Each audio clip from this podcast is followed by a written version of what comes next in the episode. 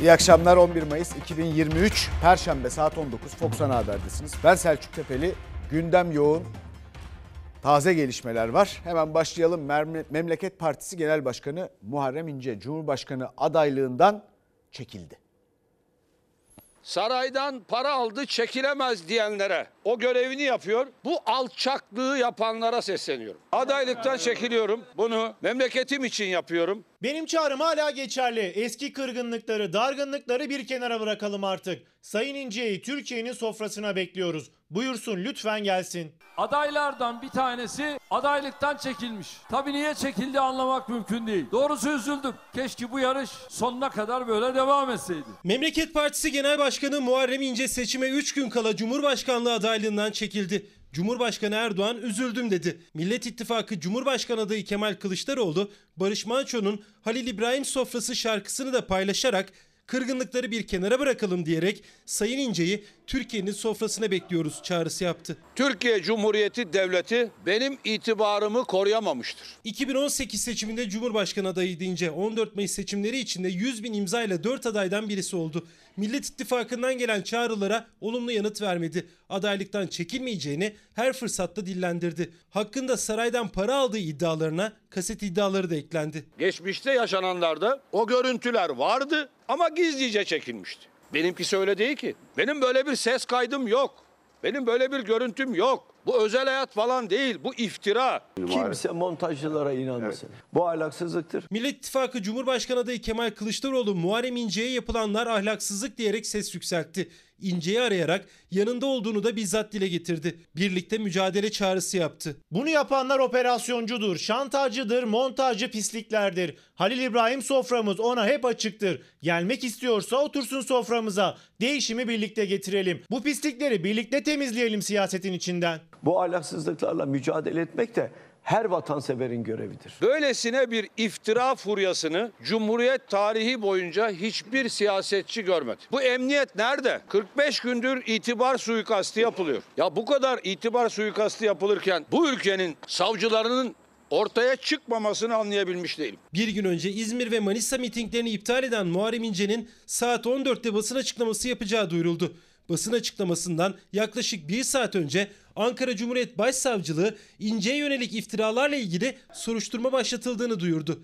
İnce kamera karşısına geçti. Memleket Partisi mutlaka o mecliste olmalıdır. Kim saldırırsa saldırsın. İstedikleri kadar montaj kaset yapsınlar. Memleket Partisi'ne her evden bir o istiyorum. Cumhurbaşkanlığı adaylığından çekiliyorum. Efendim Sayın Kılıçdaroğlu dün desteğini size Teşekkür açıklamıştı. Ederim. Pardon. Teşekkür ederim. Muharrem İnce her evden partisine bir o istedi ama adaylıktan çekilirken bir başka adaya destek açıklaması yapmadı.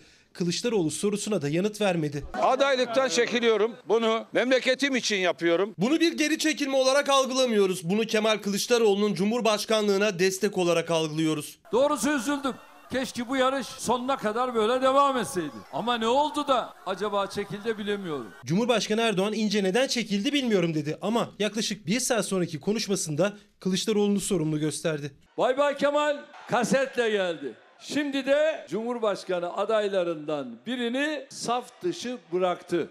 Nasıl bıraktı? Herhalde o da şöyle yarın bilemediğiniz cumartesi günü ortaya çıkar. 14 Mayıs'ta pusula üzerinde yine 4 adayın resmi ve ismi olacak. İnce'ye yurt dışından verilen oylar da 14 Mayıs'ta verilmesi muhtemel oylar da geçerli sayılacak. Ama seçim sonucuna bir etkisi olmayacak. Şimdi efendim pek çok yorum var bu konuyla ilgili biliyorsunuz. Bir defa şunu söyleyeyim. Bu saatten sonra yorumlar, şunlar, bunlar seçime kalmış 3 gün. Anketler falanlar filanlar. Burada son kararı siz vereceksiniz zaten. Ve buna da çok az zaman kaldı. Dolayısıyla sizin ne düşündüğünüz önemlidir. Onun, bunun ya da benim yaptığım herhangi bir yorum değil. Öte yandan efendim Türkiye Cumhuriyeti Devleti benim itibarımı korumayı beceremedi. Ya da onun dışında başka bir takım iddialar da var. Cumhurbaşkanı Erdoğan da dile getiriyor. Efendim işte kasetti şuydu buydu. Türkiye Cumhuriyeti Devleti 21 yıldır AK Parti hükümeti tarafından yönetiliyor. Bütün bu memlekette olan biten ne varsa herhalde sorumluluğunu alması gerekir. Nasıl koruyamadıysa önce onlara sorulması gerekir. Bunlarla biz ne zaman karşılaşmaya başladık? Ne zamandan beri nasıl karşılaşılıyor? Efendim şikayet edilen şeyler filan. Yıllar öncesinden, 10 yıllar öncesinden. Var mıydı böyle şeyler? Neyse şimdi bu konuyu geçelim. Fakat bir şey söyleyeceğim. Bunun ne etkisi olur ne etkisi olmaz diye herkes konuşuyor ediyor. Benim kişisel kanaatim, kişisel kanaatim şudur. Bana kalırsa e, bu yaşananın veya bu kararın e, etkisini hesap etmek çok kolay değil. Ama seçmenin yorgunluğundan, seçmenin kafasının şişmesinden ve pazar günkü hava durumundan daha az etkili olacağını düşünüyorum. Herkesin bir yorumu var biliyorsunuz. Bana kalırsa da bütün bu skandal efendim kampanya diye eleştirilen rezil şeyler filan diye söylenen bütün bunlardan öte belki de kendi oy oranı ile ilgili beklentisi efendim belki de kendi partisinin içinde yaşananlar öyle oluşmuş bir baskı bir şey bilemiyorum. Bunlar da etkili olmuş olabilir. Ya da belki de hiç şu anda bilmediğimiz, karşılaşmadığımız başka bir konu. Şimdi ne diyeceksiniz? Netice itibariyle bu kampanyayı son, sonlandırmak demek. Netice itibariyle oy pusulasında Muharrem İnce'nin yeri var hala. Ve orada şu anda e, sorumluluğunu almayacağı bir boş, boşluk oluşmuş durumda. O oy pusulasının üstünde. Sorumluluğunu almayacağı bir boşluk oluşmuş durumda. Oy pusulaları değişmeyecek. Efendim e, e, oyları da sayılacak. Dolayısıyla bilemiyorum yani seçmeninin ne kadarı e, kime oy verir nasıl olur belki üçte biri ne bileyim bir adayı destekler bir ne bileyim belki Kemal Kılıçdaroğlu'nu destekler. Belki efendim üçte biri e, başka birine yönelir. Ama bunlar ne kadar neyi değiştirir? Bunları siz biliyorsunuz. Çünkü kararı siz vereceksiniz. Bununla ilgili biraz daha değerlendirme yapacağım. Ama lafı şimdi çok uzatmayayım. Ara ara mesela insanların özellikle ani gelişmeler karşısındaki davranışlarının incelendiği çok ciddi bir araştırma var. Yanılmıyorsam Harvard Üniversitesi'ndeydi. İnsanlar bu bakımdan üçe ayrılıyor. Ondan bahsedeceğim ama biraz yol alalım. Efendim Millet İttifakı'nın Cumhurbaşkanı adayı Kemal Kılıçdaroğlu e, seçimi kazanması halinde mevcut iktidarın iktidarı kolay kolay teslim etmeyeceği yönündeki yorumlara patron halktır cevabını verdi.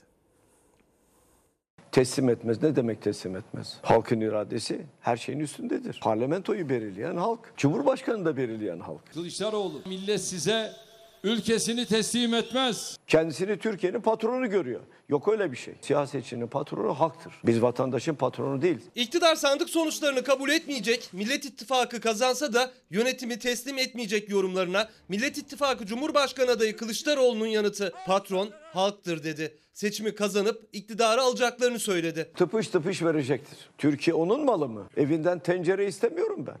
Tencere olsa diyecek bu tencere benimdir vermiyorum eyvallah. kaybetseler de gitmezler gibi e, söylentiler hep moral bozmaya, özellikle muhalefet seçmenini sandıktan uzaklaştırmaya yöneliktir bu e, girişimler. Tam da bu nedenle herkes sandığa mutlaka gitmelidir. 5 Temmuz onların fiili darbe girişimiydi. 14 Mayıs'ta siyasi darbe girişimleridir. Soğan üreticisini terörist yaptılar. Emekliyi terörist yaptılar. Şimdi kalktı vatandaşları darbeci yapıyorlar. Seçim tarihini belirleyen bunlar. Yüksek Seçim Kurulu belirleyenler bunlar. Oy pusulalarını belirleyenler bunlar. Beğenmedikleri zaman vatandaş darbe yapmış olacak. İçişleri Bakanı Süleyman Soylu'nun Millet İttifakı'nın seçimi kazanması üzerine kurduğu siyasi darbe sözleri. Erzurum'da Ekrem İmamoğlu'nun mitinginin engellenmesi ve sonrasında yaşanan taşlı saldırı. Kılıçdaroğlu daha önce de seçim gecesi provokasyon olabilir, eli silahlı unsurlar sokağa çıkabilir demişti. Uyarısını tekrarladı. Sokaklara çıkıp ateş edebilirler. Kaybettiklerini görünce bir çatışma ortamı yaratmak isteyebilirler. Sizi galeyana getirmeye çalışanlara fırsat vermeyin. Sandık önünüze geldiğinde tepkinizi orada gösterin. Yüksek Seçim Kurulu yayınlamayabilir. Anadolu Ajansı yayınlamayabilir. Seçim sonuçlarını durdurabilirler. Biz her birisini tek tek yayınlayacağız. Hem de tutanak örneğini göstererek. Geçmiş seçimlerde de yaşananları hatırlatıyor muhalefet. Seçim sonuçlarıyla ilgili veri akışında yaşanan gecikmeleri. Kılıçdaroğlu sandığa yönelik tüm önlemleri aldık dedi. Bütün bu ayrıntılar yapıldı, eğitildi, altyapısı oluşturuldu.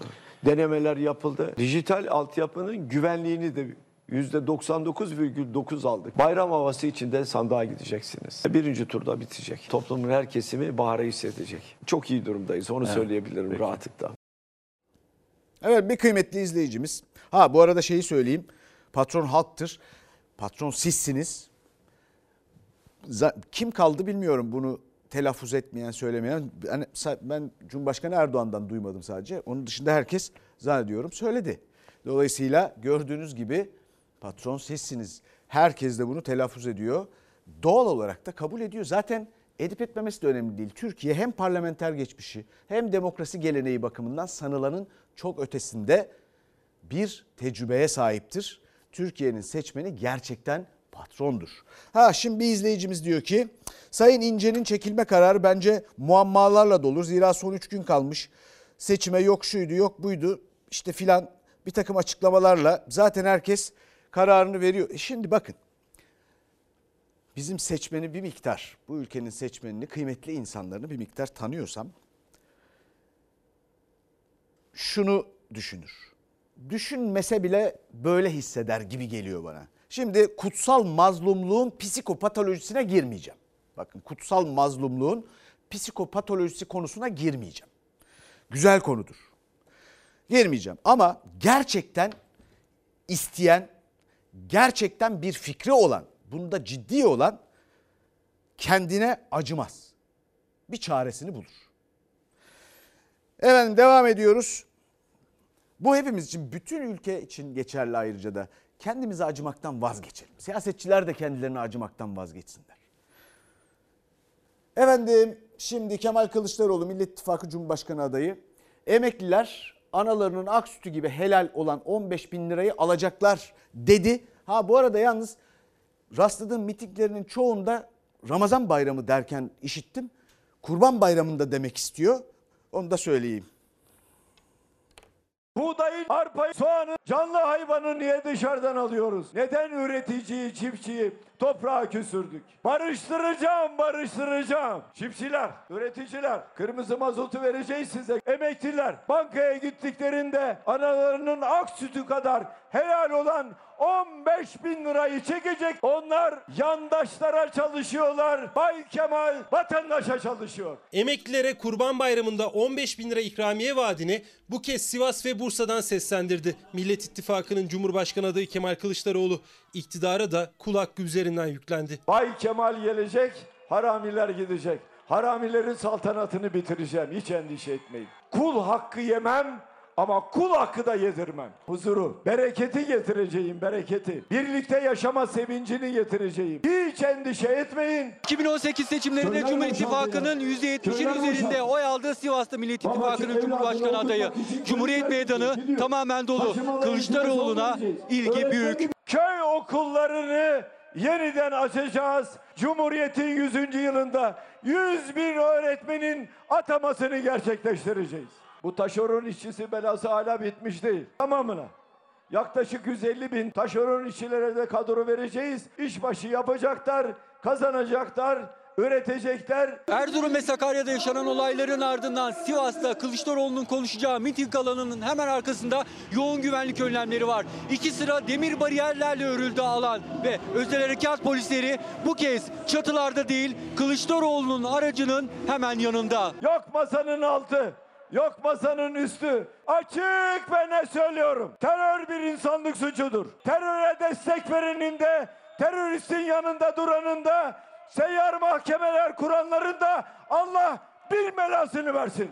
Onlarınki mevsimlik milliyetçilik. Biz kökten Kemal Kılıçdaroğlu Ali Babacan'la birlikte suikaste kurban giden eski Ülke Ocakları Genel Başkanı Sinan Ateş'in kabrini ziyaret etti. Dua okudu. Katilleri yargı önüne çıkarma sözünü yineledi. şeref verdiler şehidimize. Sinan Ateş'in katillerini unutmadım. Kulaklarından yakalayacağım. Yargıya teslim edeceğiz. Rahmetli Muhsin Yazıcıoğlu'nun oğlu geldi. Babamın hakkını hukukunu savun dedi.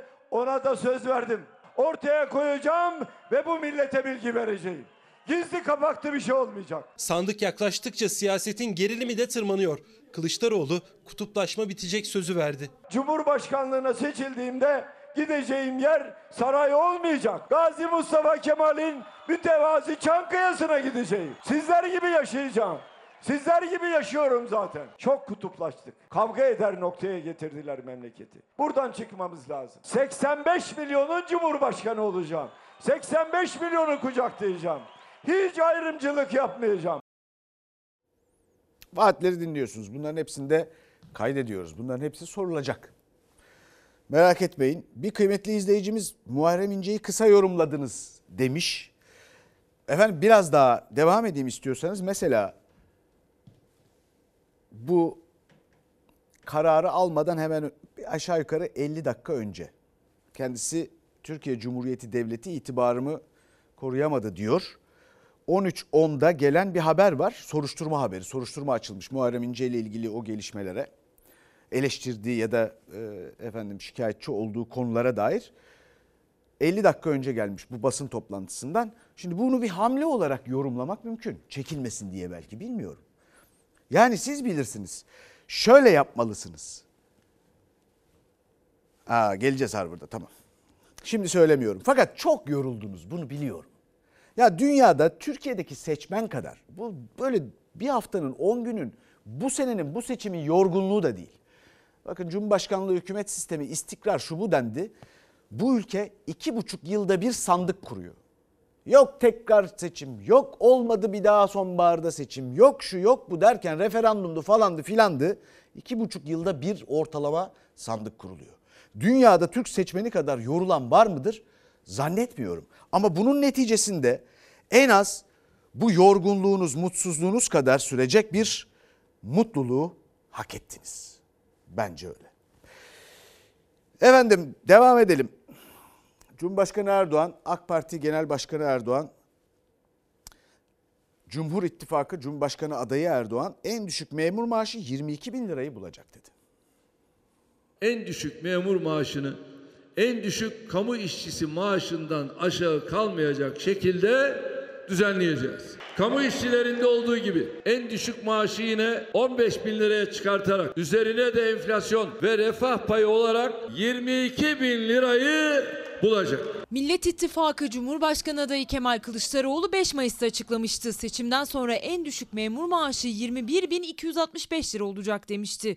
6 gün sonra Cumhurbaşkanı Erdoğan Hak İş Genel Kurulu'nda en düşük memur maaşında Temmuz ayında artış yapılacağını söyledi. En düşük memur maaşı 15 bin liraya çıkarılacak, enflasyon artı refah payı eklenecek 22 bin lira olacak dedi. Asıl sorunumuz enflasyon. Bilhassa gıda ve konut fiyatlarındaki dengeli olmayan yükseliş bizi de rahatsız ediyor. Ama seçim sonrası bu kiraları artıranların üzerine çok çok farklı gideceğiz bunu bilsinler. Daha çok konut yapacağız ki ev ve kira fiyatları düşsün. Cumhurbaşkanı Erdoğan Ankara'daydı. Pursaklar, Mamak, Altındağ, Sincan mitinglerini yaptı. Ekonomi öne çıkan başlıktı. 21 yıldır nasıl bunları çözdüysek yine biz çözeriz. Herkesi hak ettiği refah seviyesine ancak biz çıkartırız. Her konuşmasında Millet İttifakı'nı ve rakibi Kılıçdaroğlu'nu terörle işbirliğiyle suçluyor Erdoğan. Bu söylemlerin ülkede kutuplaşma ve gerginlik yarattığı eleştirilerine de yanıt verdi. Birileri bizi seçim döneminde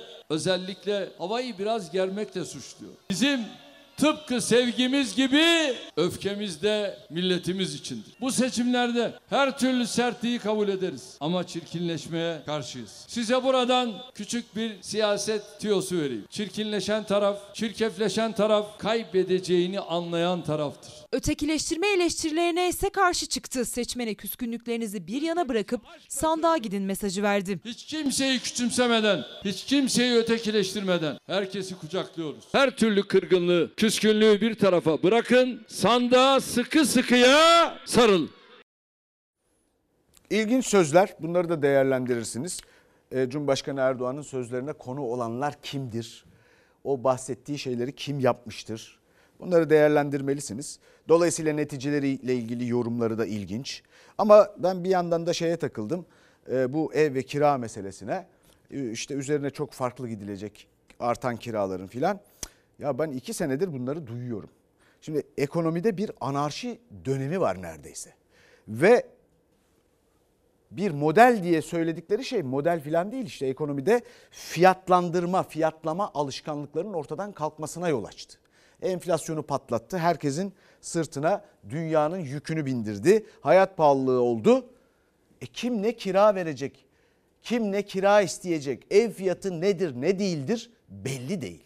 Bakın bunu yapmalısınız işte. Ya bir defa etrafa biraz bakmalısınız. Kim ne diyor? Buna bir cevap vermek zorunda değilsiniz. Piyasaya çıkıp biraz bakmalısınız. Faizler gerçekten düşmüş mü? Efendim dolar ne kadar, altın ne kadar, nerede ne kadar? Fiyatı belli değil bunların ya. Fiyatı belli değil. Bunları sorarsanız, kredi isterseniz almak zorunda değilsiniz öğrenmek için. Çarşıda, pazarda ne olup bitiyor bir bakarsanız zaten görürsünüz. Ve karar vermek o kadar zor olmaz. Şimdi Trabzon'a gidelim. Trabzon'da da yeni nesil miting. Hazır mısın Trabzon? Bekle. Son, iki, üç, dört. Güle güle yavrum, güle güle. Güle güle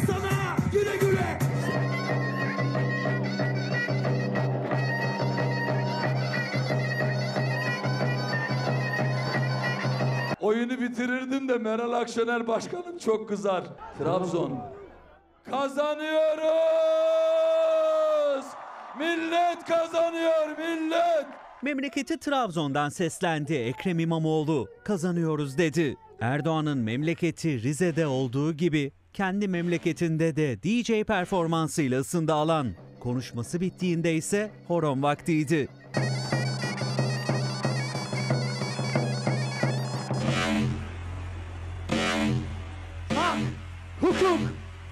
Adalet. Hak, hukuk, adalet. Hak, hukuk, adalet. Hak, hukuk. Olduğun yerde zıplar mısın Rize? Zıplar!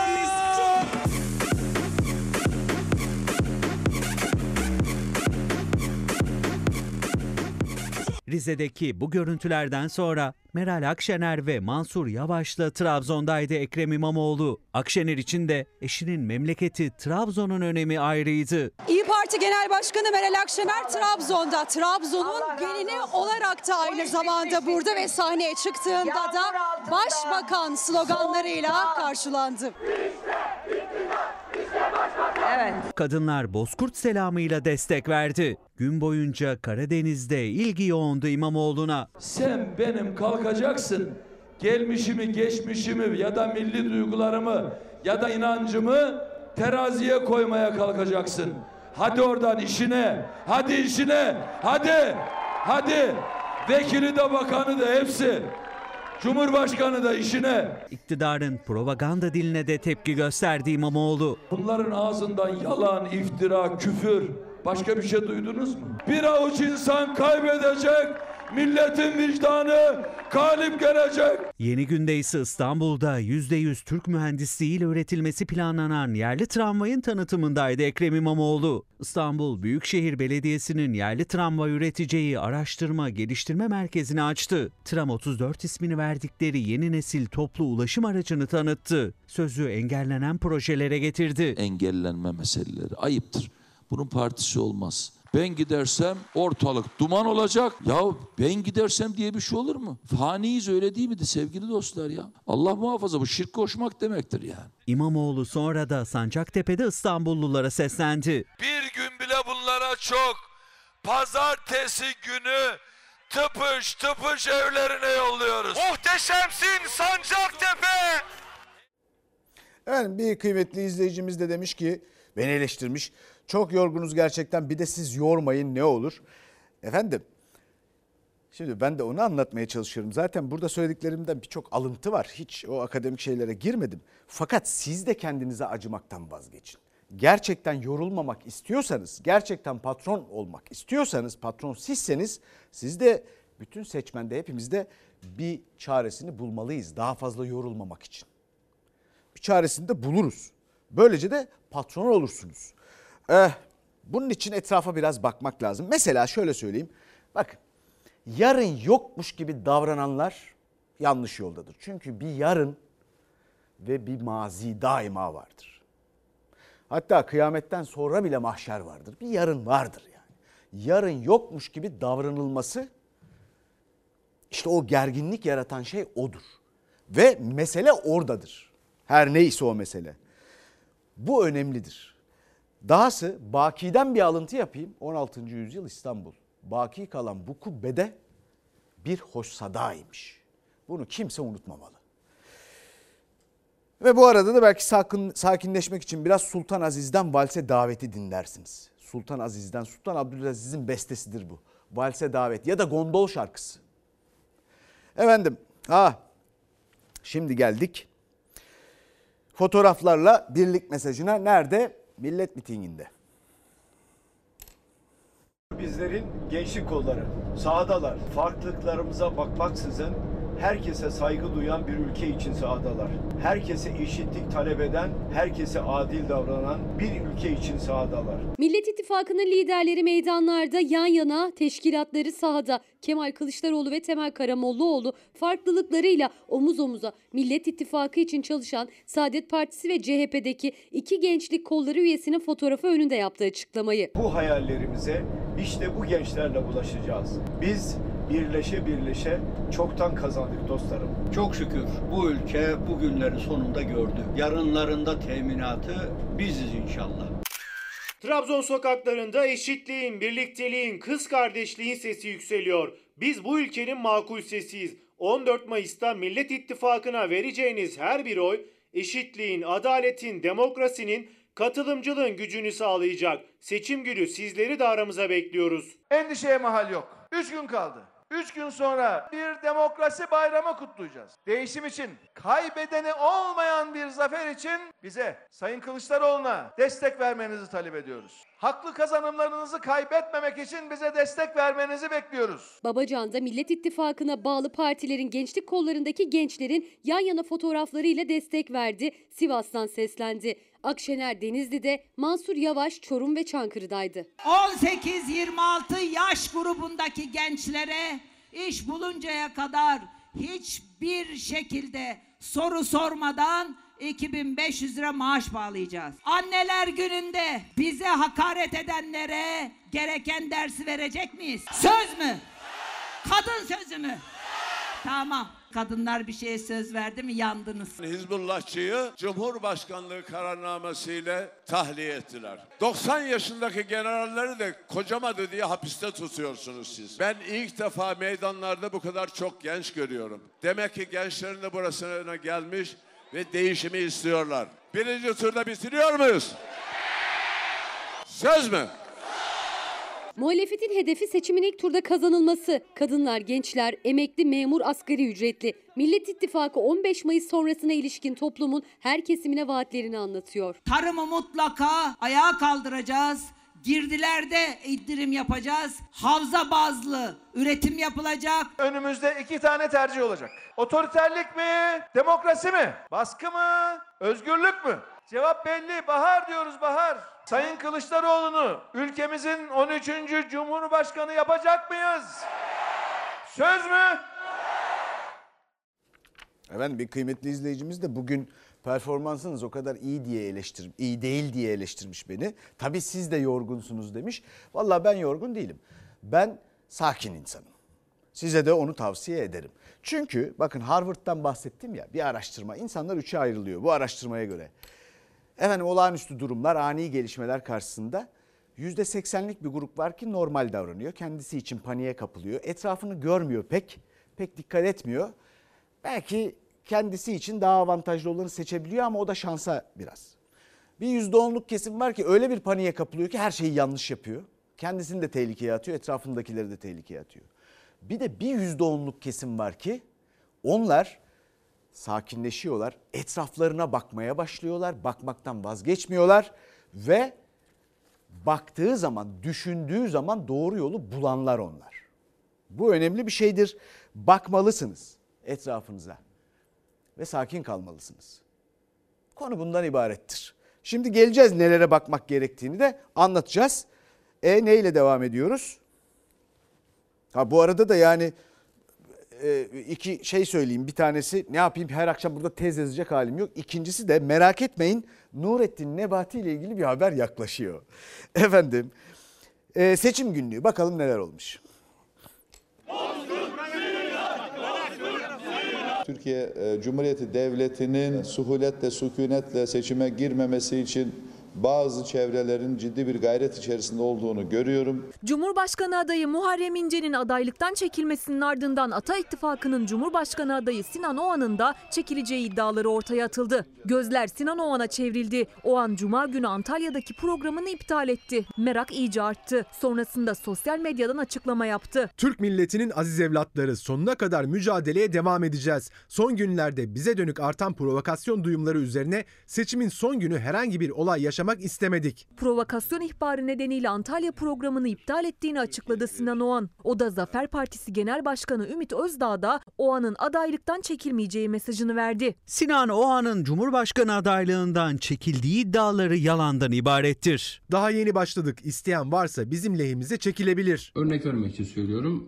60'a yine 60, 60 ve 60 olarak güncellediğimizi varsayalım. İçişleri Bakanlığı'nın paralel seçim takip sistemine işlemek için sandık bilgilerini talep etmesi YSK tarafından reddedilmişti. CHP Genel Başkan Yardımcısı Muharrem Erkek, Denizli'de de benzer talebe YSK'nın yine hayır dediğini duyurdu. İçişleri Bakanı Gamer üzerinden hukuksuzlukta ve yetkisi olmadığı halde seçim işlerine karışmakta ısrar ediyor. Denizli İl Seçim Kurulu'nda birleştirme tutanaklarının düzenlenmesi aşamasında bir valilik personelinin görevlendirilmesi talebi de YSK tarafından oy birliğiyle reddedildi. Uyarmaya devam ediyoruz. Kanunsuz emir verenler ve bu emirleri uygulayanlar hesap verecek. İyi Parti Konya Milletvekili adayı Ünal Karamansa Çalar Saat'te İlker Karagöz'ün konuğuydu. İktidardan gelen terörle işbirliği suçlamalarına sert tepki gösterdi. Terörle bizim yan yana anılmamız e, abesle iştigal, abesle iştigal olduğu kadar yani ağır iftira, şehit kanı üzerinden, vatan, millet, bayrak üzerinden bizi test etmesinler. Memleketimizde böyle bir ekibi deprem haftasında da görmek isterdik bu çalışmalarıyla. Madem memleketimin sesi olmamı engellemeye çalışıyorsunuz, o zaman ben Ankara'ya geleceğim. Hatay'a ses olacağım. İlk günden itibaren deprem bölgesinde büyük çaba gösteren İyi Parti Hatay Milletvekili adayı Gökhan Zan'ın ise afişi indirildi. Önce sosyal medyadan tepki gösterdi, sonra da Çalar Saat'te mücadeleye devam dedi. Başkaları ölmesin diye bu mücadelenin içinde varız. Unutulmamak adına bu mücadelede her zaman var olmak istiyorum. Hiç kimsenin telaşı olmasın. Oylar güvendi. Yurt dışında kullanılan oylar da uçaklarla Ankara'ya ulaştı. Oyların taşınmasına eşlik eden CHP heyeti sandık güvenliği sözü verdi. 14 Mayıs'ta kesin seçim sonuçlanıncaya kadar seçim güvenliği ve sandık güvenliği konusunda hiçbir taviz verilmeyecektir. Evet şimdi de Meral Akşener'den İyi Parti Genel Başkanı'ndan SMA sözü. Lütfen ne olur. Evladımı ölüme terk etmeyin. Türkiye SMA'lı bebeklerle ilgili acı çekiyor. O meseleyi bir anne olarak, babaanne olarak söz veriyorum ben çözeceğim. Bir anne bir babaanne olarak seslendiği İyi Parti Genel Başkanı Meral Akşener SMA hastası bebeklerin tedavisine çözüm sözü verdi. Yıllardır gen tedavisi için mücadele ediyor aileler Millet İttifakı'ndan gelen vaat umut oldu. Bir anne olarak, babaanne olarak söz veriyorum ben çözeceğim. Şu anda evde dört cihaza bağlı bir şekilde yaşam mücadelesi veriyor. SMA hastası bebeklerden biri 3,5 yaşındaki Yaren Belli cihazlara bağlı yaşıyor. Ailesi yurt dışında 2,5 milyon dolara mal olan gen tedavisi için kampanya düzenliyor. Aslında sona yaklaşıldı ama 23 günü kaldı kampanyanın. Sizlerin desteğiyle %89'luk dilimi topladık. 23 gün içinde bu kampanyayı bitirmemiz gerekiyor. Gen tedavisi adı altında ortaya atılan yöntemin bilimsel olarak işe yaradığını gösteren şimdilik somut hiçbir veri bulunmamaktadır. Sağlık Bakanı Fahrettin Koca kirli kampanya diyerek bilimsel çalışma olmadığı gerekçesiyle gen tedavisine kapıları kapatmıştı. Oysa tedavi olup ülkeye dönen bebeklerde hastalık durdu. Gen tedavisine erişemeyen bebeklerin kasları ise günden güne eriyor. Tüm aileler kalıcı bir çözüm bekliyor. Türkiye SMA'lı bebeklerle ilgili acı çekiyor.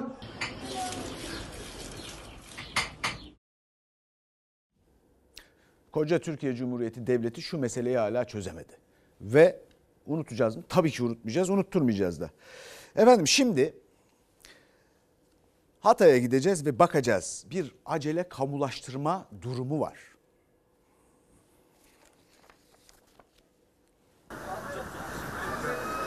Beş gün falan kimse pek bulamadılar beni. Ben kendi imkanlarımla ellerimi duvara kırıp kendimi gösterdim böyle. Afat geldi ama Afat bir şey yapamayacağını söyledi. Hakkımı helal etmemi söyledi gitti. Sabaha karşı saat 4-5 gibi Sakarya'dan gönüllü ekipler geldi. Onu da senin komşular falan yoldan geçerken durdurup getirdiler. Onlar sağ olsunlar uğraştılar biraz.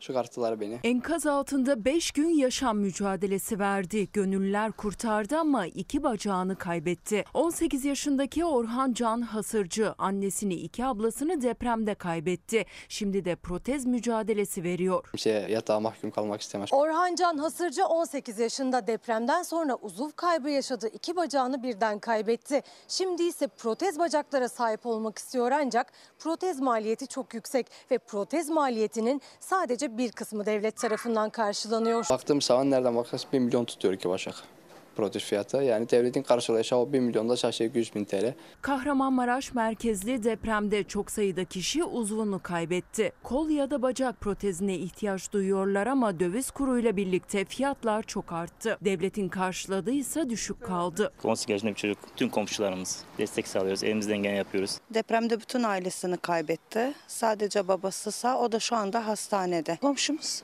Sadece komşuyuz. Kardeşimiz gibidir ama Orhan. Hatay'da komşuları ellerinden geldiğince yardımcı oluyor Orhan Can Hasırcı'ya ama en büyük ihtiyacı protez. Aylar sonra konteynere kavuşsa da tekerlekli sandalyeyle zorluk çekiyor. Meslek lisesinde aşçılık okuyordu, yarım kaldı. Yeniden hayata karışabilmeyi istiyor. Normalde engelli rampası tar tarzı böyle hafif yokuşlu bir şey olması aslında rahat girip çıkabildim diye. Yaparlarken hiç düşünememişler ama önceliğim protez. Hatay acele kamulaştırma. Zeytinleriniz kaç yıllık zeytinler? Ne zamandan kaldı? Dedelerimizden beri. Dedemden, dedemden babama, babamdan bana geçmiş. Yani yazıklar olsun. Defne ağacı var, e, dut ağacı var, çam var. Gel gör ne istersen var kızım günah yazıktır ya. Ben para mara istemiyorum. Nasıl bu devlet alıyor bizden ya? Nasıl bir hükümet bu ya? İstemiyorum kepçenin önünde duracağım. Ne yapsan yapsınlar. Meyve, zeytin ağaçlarıyla dolu tapulu arazileri için acele kamulaştırma kararı çıktı. Hatay Defne'de deprem felaketinden sonra aldıkları kamulaştırma haberiyle ikinci kez yıkılan depremzedeler karara tepkili. Bu tarla bizim dabulu. Hazin değil. Niye alıyorlar bizden? Sizin haberiniz olmadan mı? Olmadan. Malımızı aldı. Evimiz gitti. Şu an biz açıktayız. Hiçbir şeyimiz yok. Daha dün öğrendik E-Devlet şifresinden. Milletten duyduk, inanmadık. Tek kaldığımız yer burası. O da evimizden gitti. Hatay'ın Defne ilçesine bağlı Orhanlı mahallesindeki yaklaşık bin dönüm arazide zeytinlikler de var, tarlalar, diğer meyve ağaçları da var. Bu arazilerin sahiplerine hiçbir bilgi verilmeden ansızın kamulaştırma yapıldı. Hak sahipleri gerçeği E-Devlet üzerinden tesadüfen öğrendiler. Zaten benim evim ağır hasarlı. Yani evimde kesinlikle oturmaz. Yazıklar olsun. Yaz, yani ben bu tarlamı alırsa elimden. Bir baktık ki bir duyduk ki e, malımız kamulaştırılmış. Deprem nedeniyle oluşan zaruriyet çerçevesinde depremzedelerin en kısa süre içerisinde barınma sorunlarının giderilmesine yönelik yapılacak konutların ivedilikle depremzedelere teslim edilebilmesi için. Hatay Defne'deki kamulaştırma kararının gerekçesi olarak bölgedeki acil konut ihtiyacı gösteriliyor. Ancak bu bölgede yaşayanlar da hem deprem mağdurları hem de bu araziler bu insanların geçim kaynakları. Zaten evlerini kaybettiler. Şimdi kamulaştırmayla birlikte geçim kaynaklarını da kaybediyorlar. Bizim mahallemizde Orhalı'ya ait bin dönüm arazi gidiyor elimizden. Bu gitmeye karşıyız. Çevre ve Şehircilik Bakanlığı'na bağlı TOKİ kamulaştırmanın gerekçesini acil konut ihtiyacı olarak açıkladı. Ancak arazisi ellerinden alınanlar da yine depremzede. Bir şoku atlatamadan büyük bir şok daha yaşıyorlar. Aynı zamanda geçimlerini sağladıkları arazi için verilen kamulaştırma kararının geri çekilmesini istiyorlar. 40-50 yıldır biz bu zeytinleri böyle e, bizim çocuğumuz gibi bitiyoruz. Bedeli e, değeri 10'sa bize bunun 100 katını verse de biz bunu vermek istemiyoruz. Gitmesini istemiyorum. Lütfen. Efendim Cumhurbaşkanlığı hükümet sistemi. Bakın bu sistem. İnsanların malına, mülküne, efendim zeytinliğine, arazisine, evine öyle birisi bir açıklamayla el koyabiliyor. Görüyorsunuz değil mi? Sonra da diyorlar ki efendim şimdi bu gıda fiyatları şöyle düşecek böyle nasıl düşecek ya? Bunu gerçekten ele alınıp alınmadığını en iyi kararın bu olup olmadığını sorgulayamıyorsunuz bile. E sonra ya zaten bunları anlarsınız. Ekonomi büyüse size bir faydası olur. Anlarsınız gerçekten büyüse. Model tutsa işe yarasa bunu anlar hissedersiniz. Mesela son işte, e, 5-6 sene içinde Türkiye 17.likten 23.lüğe gerilemiş dünya ticaretinde. Aldığımız pay bundan 25 sene öncesine gitmiş dünya ticaretinde. Bunların hepsi bir şey ifade ediyor. Mesela yerli sandığınız ama yabancılara satılan şirketler, kurumlar. Etrafınıza bakın, inceleyin dediğim bu. Ben söylemeyin bunları. İnternete girin. Yerli sandığınız ama yabancılara satılmış şirketler, kurumlar. Bir bakın bakalım. Sizi neler şaşırtacak. Bakın internet, elinizin altında internet var. E, tavuk üretimi, tavuk üretimi de düşmüş. Efendim şimdi onu göreceksiniz TÜİK rakamları ama bu arada yumurta da düşüyor, süt üretimi de düşüyor arka arkaya düşüyor. Tavuk fiyatları yükselişte. Bir kilo kıyma alamıyoruz. Vallahi alamıyoruz. Bir tane göğsü böldürüyoruz. Flote yapıyoruz, öyle yiyoruz. Başka yiyemiyoruz. Çok pahalılık var, inanılmaz. İkisi de girmiyor. Gram gram alıyoruz. Gram gram. Tavuk Ocak ayından bu yana %5 her ay zam geldi. Nisan ayında da %10 zam geldi. TÜİK'e göre Mart ayında kesilen tavuk sayısı önceki yıla göre %6,5 azaldı. Kırmızı ette olduğu gibi maliyetler arttıkça üretim düşüyor. Bu da fiyatlara yansıyor. Sene başından bu yana %30'a yakın zamlandı beyaz et. Şu anda bagetin fiyatı 70 lira. Tavuk pirzolanın fiyatı 80 lira. But ızgara 95 lira. Tavuk bonfile 85 lira. Tavuk kemikli göğüs 62 lira. Vallahi dört dilim. Ne yapacaksınız onunla? Kaç kişi yiyecek? Dört kişi. Birer dilim yetiyor işte. Çünkü gücümüz yok. Faturalara yetişemiyoruz ki. Sürekli gelen zamlarla kırmızı et sofradaki yerini beyaz ete bırakmıştı. Ama beyaz ette de üretim düştü, kesim azaldı. Ramazan ayının başından bu yana tam 3 kere zamlanan beyaz ete de yeni zam kapıda. Kesim azalınca ne olacak? Fiyat artışı olacak tabii. Masraflar fazla olduğundan dolayı fiyata yansıyacak direkt. Bir %20 artış olur diye bekliyorum yani. Şu an bir de toplumda e, damak değişti. Şu anda koyun eti çok ucuz dana etine göre ama koyun etini yemiyor. Eskiden kuzuyu komple alıyorduk bu fiyata. Şimdi bir kilosunu alamıyoruz. Koyun, kuzu, dana damak tadına bakmıyor tüketici. Kırmızı etin yanına yaklaşamıyor. İstanbul Kurtuluş'taki bu kasapta dana kıymanın kilosu 310, dana kuşbaşı 330, antrikot 400 lira. Dar gelirli kemik alıp suyuna çorba yapıyor. Eti kıymayı soruyoruz. Fiyatlar nasıl? Altı başına gitti. Kırmızı et yiyebiliyor musunuz? Yiyorum ama alamıyorum ki kızım. Çok kemik aldım. Ne yapacaksınız kemiği? Çorba yapıyorum. Nurettin Nebati, Bakan Nebati fiyatları düşüreceğine geçen Kibariye konserinde korumaları Kibariye'yi düşürdü. Efendim e, şimdi bir kadın katledildi.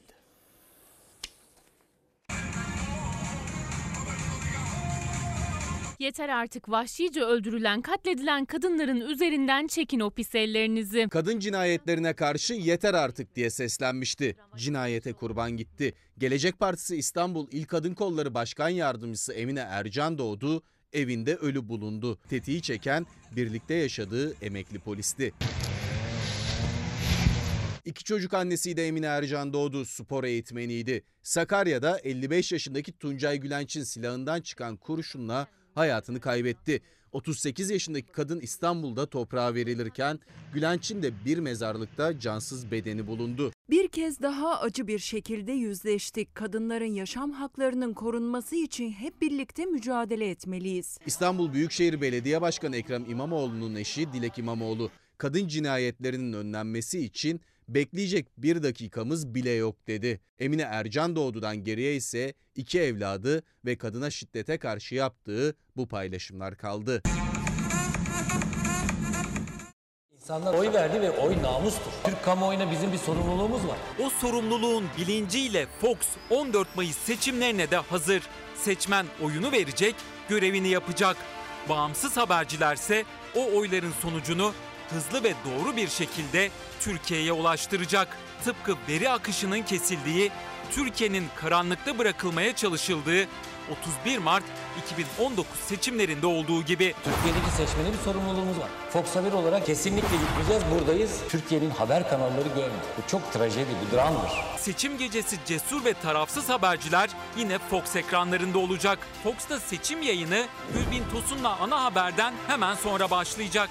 İlker Karagöz ve Selçuk Tepeli sonuçları dakika dakika aktarırken Bekir Ağırdır seçimin gidişatını yorumlayacak. O Bekir Ağırdır da buradaymış. Patronların mesajını sana tercümeye geldi. Ayrıca Bekir abi biz buradaydık. Selçuk Tepeli geldi. Son dakika bilgileri yine Doğan Şentürk ve Tülay Ünal Öçten'de. Murat Yetkin, Çiğdem Toker, Nevşin Mengü ve Deniz Zeyrek en sağlıklı analizler için hazır. 14 Mayıs akşamı seçmen yine tarafsız ve objektif ekranda buluşacak. Fox Haber yine doğru sonuçların teminatı olacak. Oyunuzu kullanın, burada buluşalım. Türkiye'nin seçimi 14 Mayıs'ta Fox'ta.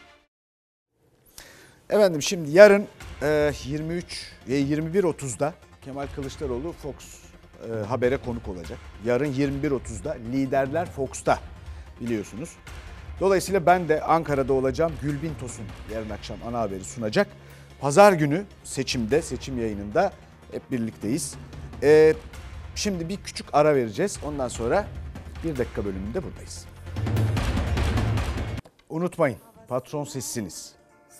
İstediğinize görev verir, istediğinizden görevi alırsınız. Sonra isterseniz görevi yeniden verirsiniz. Bu herkesin sorumluluklarını, görevlerini daha iyi öğrenmesini sağlar. Patron sizseniz dünyada da patronlar arasına girersiniz. İyi akşamlar efendim.